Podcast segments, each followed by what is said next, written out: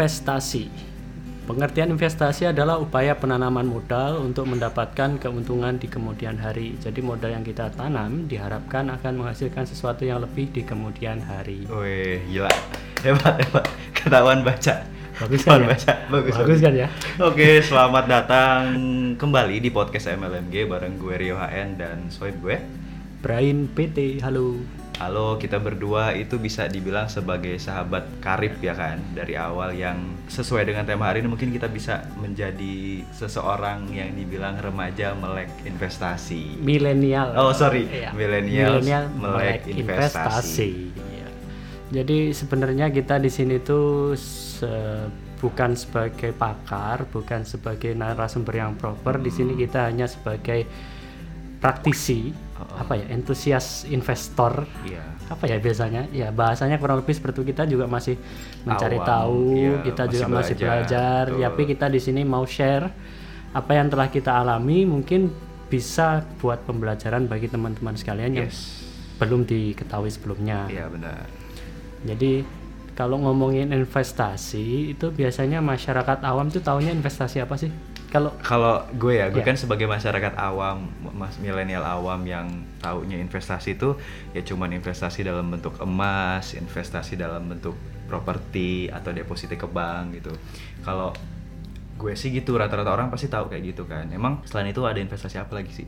memang eh, selama ini doktrin yang sudah-sudah itu kayaknya memang menancap ya bahwa emas itu pasti naik, tanah itu juga harganya pasti naik karena eh, jumlahnya terbatas yang ada di muka bumi ini kan ya.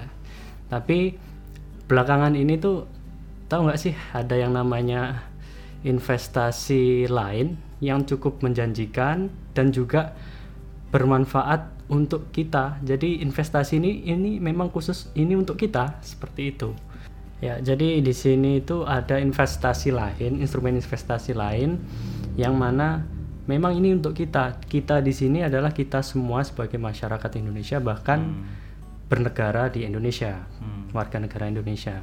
Jadi nantinya investasi ini tuh bakal berperan penting untuk kita untuk mensupport keberlangsungan negara Indonesia. Jadi penting buat kita selain untuk menambah eh, aset kita, tapi ini juga membantu keberlangsungan negara kita. Oh, jadi kita investasi, tapi kita juga membantu negara. Iya, kurang Oh, lebih oke, seperti oke. Oke, itu. Jadi penting kurang lebih investasi ini. Hmm. Nah, mungkin teman-teman di rumah mulai bertanya-tanya nih, kenapa penting, kenapa apa sih bentuk instrumennya? Hmm, pasti jelas. Ya, jadi eh, instrumen yang akan kita kenalkan di sini yang mungkin udah banyak yang tahu juga, tapi akan kita kenalkan ulang mungkin ini adalah obligasi negara. Obligasi negara ya? Ya, Obligasi surat itu apa sih? utang negara Oke, atau obligasi utang. negara seperti itu. Jadi mungkin teman-teman yang belum tahu sebenarnya di Indonesia nih pemerintah Indonesia ini mengeluarkan yang namanya surat berharga yang mana bisa dibeli sendiri oleh kita sebagai warga negara Indonesia selain untuk investasi juga membantu negara karena uang yang terkumpul dari penjualan surat berharga tersebut nanti juga dikelola negara digunakan negara untuk melangsungkan ke pemerintahannya Hmm. bisa bisa buat kemarin subsidi ini juga pasti juga salah satunya dari APBN Subsidi apa nih? subsidi yang baru-baru ini loh apa kuota internet yang Oh, oke. diteken oleh Menteri Pendidikan kita Nadiem Makarin itu pasti diambil dari APBN Oh, yang 8,9 triliun kalau nggak salah itu ya? ya sekitar Buat, 7 8 Eh, lah segitu. pelajar dan guru ya? Hmm. Ya, jadi PBN itu salah satu sumbernya juga diambilkan dari penjualan surat berharga ini. Hmm. Seperti itu. Jadi surat utang negara ini tuh selain investasi memang kita juga membantu negara. Kurang lebih seperti itu. Jadi kayak pemerintah menyediakan surat utang atau surat berharga negara yang bisa dimiliki oleh warga negaranya. Jadi warga negara yang invest ke situ yang untungnya juga buat kita, untungnya juga buat negara nantinya. ya, betul Terus sekali. jenis dari surat berharga negara tuh apa aja sih? Ya, kalau setahu saya itu memang banyak Rio. Di sini tuh eh, surat utang ini ada SPN atau surat perbendaharaan negara Perbendaraan. ya perbendaharaan negara yang mana itu dibedakan dari tenornya ini kita bicara pembedaan dari tenor waktu Jatuh tempo ya? jatuh tempo Oke. ya ada SPN itu kurang dari 12 bulan Hmm. atau yang namanya ada yang lain namanya obligasi negara yang mana jatuh temponya lebih dari 12 bulan Hmm. kalau dilihat dari eh, mata uang yang keluar ada yang namanya Indois ada yang namanya SBR ada ORI dan sebagainya itu pembedanya adalah eh, kita belinya pakai USD valuta asing atau pakai rupiah Oke. seperti itu. Nah, kita sebagai warga negara in- Indonesia ini diberikan instrumen khusus yang namanya surat berharga negara retail. Surat berharga negara retail. Iya, disebut retail karena ini pembeliannya tuh bisa retail kan kayak eceran gitu. Eh, Oke. Nah, jadi bisa dibeli oleh warga negara perorangan, bukan institusi. Jadi kita sebagai warga negara biasa Bisa juga membeli. bisa juga karena sebelumnya itu untuk membeli surat berharga ini tuh Hanya institusi-institusi tertentu yang bisa ya beli. karena nominalnya Oh, gede. Oke. Jadi ke sekali beli itu harus gede, nggak bisa kecil seperti Hmm. itu. Nah, sedangkan mulai dari beberapa tahun terakhir ini pemerintah Indonesia menyediakan opsi lain sehingga warga negara kita itu bisa turut aktif membangun dan juga berinvestasi di negaranya sendiri. Oh, Oke. Gitu. Bagus bagus. Kayak kemarin tahu nggak ngikutin itu surat utang negara Indonesia yang dikeluarkan terbesar sepanjang sejarah Indonesia. Enggak sih gue gak ngikutin sebenarnya. Jadi Nah. bener-bener yang gue yang gue tahu tuh ya nggak ada tuh yang namanya investasi di luar emas, properti dan lain-lain gitu. Ya, jadi eh, kemarin tuh Indonesia itu mengeluarkan surat utang terbesar sepanjang sejarahnya dan itu untuk luar negeri. Selama ini kita pasti nyinyir kan ketika Indonesia berutang. Iya. Nah, Iya, ngapain gitu kan ngutang banyak-banyak ke luar ya negeri. ke luar negeri apalagi eh, nanti kalau gagal, gagal bayar ya gimana dong kita pasti pusing deh sebagai negara di pengelolaannya gagal pasti berimbas juga kepada kita makanya daripada mengutang ke luar negeri alangkah baiknya apabila kita saling topang saling bantu kita untung negara juga untung seperti itu Oh iya keren keren. Tapi sebenarnya tuh utang Indonesia tuh nggak nggak gede-gede banget loh dibandingin negara Jepang, Amerika. Kita tuh paling cuman GDP-nya tuh tahun 2019 sekitar 30%. Jadi tuh nggak gede-gede banget. Iya. Cuman rakyat Indonesia aja yang kayak kita tuh terlalu kenceng konsumsinya daripada Iya. menabung dan investasinya. eh, eh, Berbeda dengan Jepang. Jepang memang yuk eh, itu dia rasio utang berbanding PDB-nya itu kalau nggak salah 2019 kemarin itu hampir sampai 250 persen, dua kali, dua setengah kali Iya lipat. bener. Tapi bedanya dengan Indonesia, utang Jepang itu 70 sampai 90 persennya adalah utang ke rakyatnya sendiri. Jadi Oh, yen oke. ketemu yen, tidak Hmm. seperti Indonesia, Hmm. seperti itu. Hmm. Jadi meskipun seumpama nanti ada apa-apa, masih berurusan dengan rakyatnya sendiri. Iya, jadi nggak sampai eh, ngeluap gitu ya ke negara lain. Iya. Jadi eh, intervensi dari luar itu sedikit, sedikit iya, seperti kecil, itu kecil. ya, begitu. Nah kan kita udah tahu pengertian SBN Iya. dan jenis yang pertama tadi adalah surat berharga negara retail. Selain itu ada apa? Ya, eh, kita akan lebih spesifik aja ya, kita menjelaskan SPN retail yang mana saya pribadi pernah mencoba, pernah Ah. memiliki. Jadi daripada saya out of the box, Iya. jadi saya takutnya mislead. Saya akan menjelaskan SPN retail yang mana sudah saya pernah alami dan juga saya coba. Oke. Jadi di SBN retail itu sendiri itu ada empat Rio. Oke. Ada SBN surat berharga negara, ada SBSN surat berharga syariah negara. Nah bagi teman-teman yang eh, meragukan keabsahan halal atau haramnya bisa mencoba di masuk di SBSN. Ya. Oke. Yang mana di SBN itu ada dua seri. Di SBN itu ada obligasi retail Republik Indonesia (ORI), yang mana nanti ada ORI 1, 2, 3 dan seterusnya. Dan juga satunya ada SBR Saving Bond Retail. Itu juga ada serinya. Sedangkan di SBSN itu ada sukuk tabungan ST, ada namanya Sukri atau sukuk retail. Itu pun ada pembedanya antara SBSN dan SBN itu salah satunya jelas akadnya dan juga SBSN itu sudah lolos eh, Sertifikasi dari MUI, ya. Oke.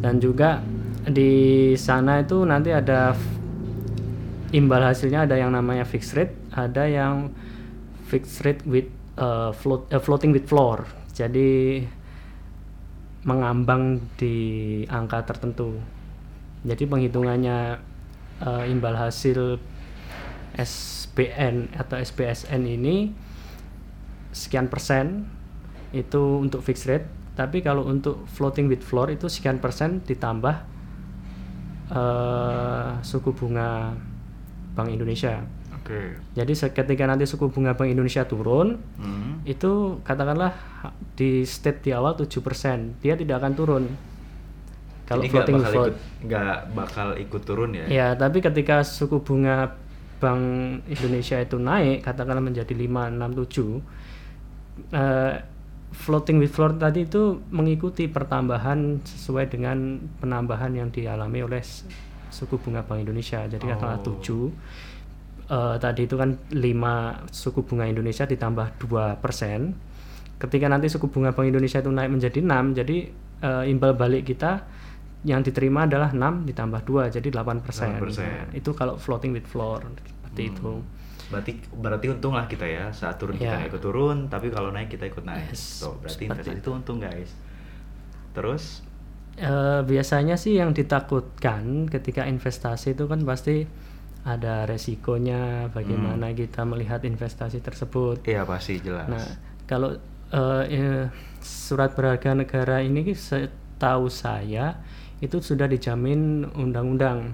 Oke. Jadi ketika jatuh tempo itu nanti pasti dikembalikan pada pemiliknya plus dengan kupon atau imbal hasil yang sudah ditentukan di awal. Hmm. Jadi ini sudah dijamin undang-undang. Uangnya tuh muter-muter sendiri di Indonesia. Mm-mm, jadi itu nggak ada yang salah sebenarnya ya. Ya. Jadi malah bagus ya aku paham paham. Ya, jadi pernah dengar nggak ekosistem ekonomi yang baik itu melibatkan perputaran uang yang sebanyak-banyaknya dan secepat-cepatnya. Jadi uangnya muter di Indonesia sendiri, Mhm. berputar dari pemerintah, nanti dipakai pemerintah, dialokasikan untuk membayar ini itu sebagainya, kembali ke rakyat, kembali lagi ke pemerintah, muter terus seperti itu. Jadi uang yang berputar di Indonesia sendiri nggak keluar negeri. Kalau kita mengutang ke luar negeri nanti ya pasti lebih beribet lagi Iya. seperti itu. Hmm, Oke, jadi FYI nih guys dari pendengar ya. Sebenarnya gue tuh juga millennials yang melek ekonomi ya. Cuman eh, yang namanya investasi bagi gue itu sebagai orang awam ya hanya investasi yang tadi gue bilang emas, properti dan lain-lain. Makanya di sini gue tuh ngundang Prince Saputra sebagai narasumber karena dia udah melanglang buana di ya eh, melalang buana sih. Intinya saya pernah mencoba dan eh, saya mau share di ah, sini. pernah mencoba dan dia mau Ah, share. jadi kemarin di 2019 itu saya pertama kali tahu aplikasi ini muncul adalah SBR 007. Hmm. Jadi ya Jadi SBR 007 adalah tipe dari eh, SPN surat SBN-nya. yang Nama salah ya? satu ya. Oke, ha. SBR nanti kan salah satu dari SPN Mm-mm. surat berharga negara kan ada SPN ada SPSN. Mm-mm. Nah saya ngambil pertama kali 2019 itu bulan apa lupa. Intinya saya ngambil eh, seri 007 Oke. yang mana saat itu diterapkannya adalah floating with floor tenornya itu dua tahun jadi habis nanti di 2021 Mm.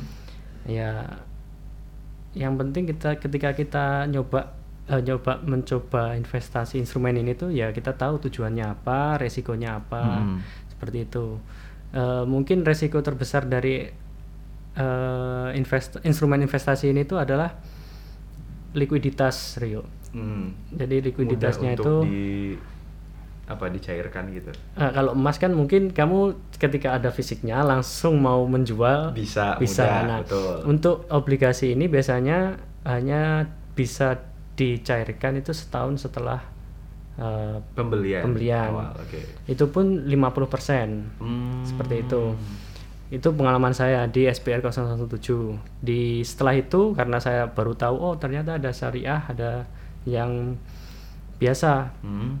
akhirnya di beberapa bulan setelah itu ada muncul ST005 tenornya juga 2 tahun habis di 2021 saya juga ngambil kurang lebih sama jadi setengah tahun itu bisa early redemption bisa ditukarkan diambil pokoknya sebesar 50% tapi bunganya tetap jalan atau imbal hasil lah Mm. kupon istilahnya yang diberikan dari negara pada Hmm, kita Masih enak dong berarti kalau bunganya masih jalan. Iya, tetap Hmm. masih jalan kurang lebih seperti itu. Jadi bisa dibilang ya ini investasi zero risk karena Hmm. pasti ada returnnya nanti juga pokoknya kembali sesuai dengan yang dijanjikan di awal. Hmm.